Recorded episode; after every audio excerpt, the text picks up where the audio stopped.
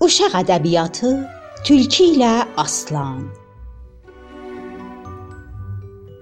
Dastanca.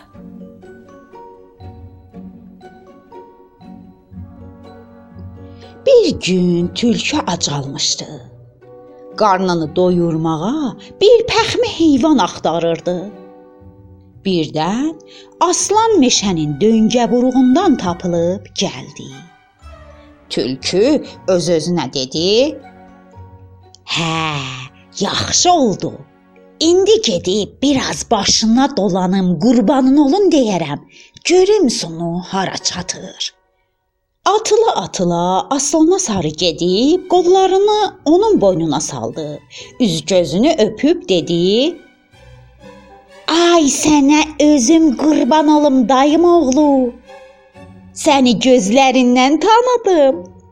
Gözlərin rəhmətlik adaya bənzəyir. Qurban kəsim dayı oğlucan.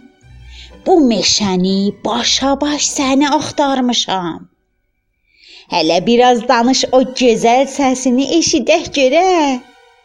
Çoxdandır görüşə bilməmişik. Aslan tülkünün sözlərinə inandı başladı öz qəhrəmanlıqlarından danışmağa. Tülkü gəldi işi daha da şirinləsin, dedi: Rəhmətlik Ağaday canım da, lap sən boybuxundaydın. O doğrudan bir əslan idi. Elə işlər görərdi ki, hamı deyərdi, aslan ürəkli ki deyərlər, elə buyumuş. Nə hünərli idi, nə hünərli. Nə qədər desəm, az demişəm. Ay dayoğlu canım, de görək, onun hünərlərindən səndə də var ya yox? Nə qədər deyəndən sonra sən də o atanın oğlusan da. Bilirəm çox ürəklisən. Sənə çox fəxr edirəm. Çox. Tülkü o qədər dedi, dedi, aslan özündən çıxdı.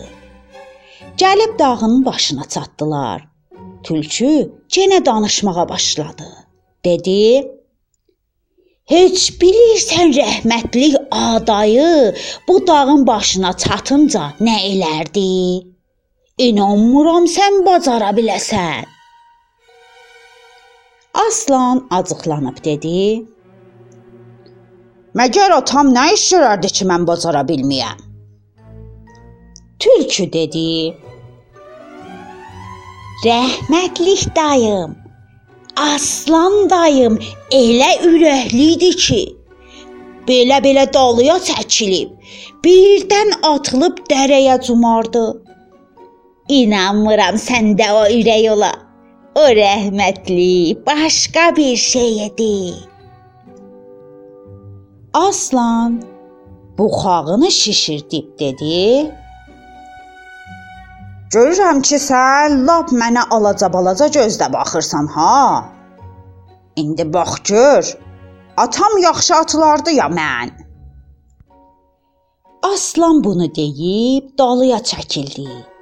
Birdən atılıb dərənin dibinə cumdu. Bütün sümükləri oğuldu sındı. Tülkü astaca dərəyə endi. Aslana çatıb başladı budunu yırtıb yeməyə. Aslan yarıcan düşüb bir tərəfdə qalmışdı. Tərpənməyə belə incarı qalmamışdı. Dedi: Ay əziz qohum, bə oranı niyə yeyirsən? Cə köysümün ətindən başla ye. Köysüm yağlı ətlidir ha. Oranı ötür. Orda heç nə yoxdur, qardaş. Tülkü dedi: Dayı oğlunun dədəsini yandırmışam. Qoy hələ buranı yeyim, oranın da hesabına yetişəcəyəm.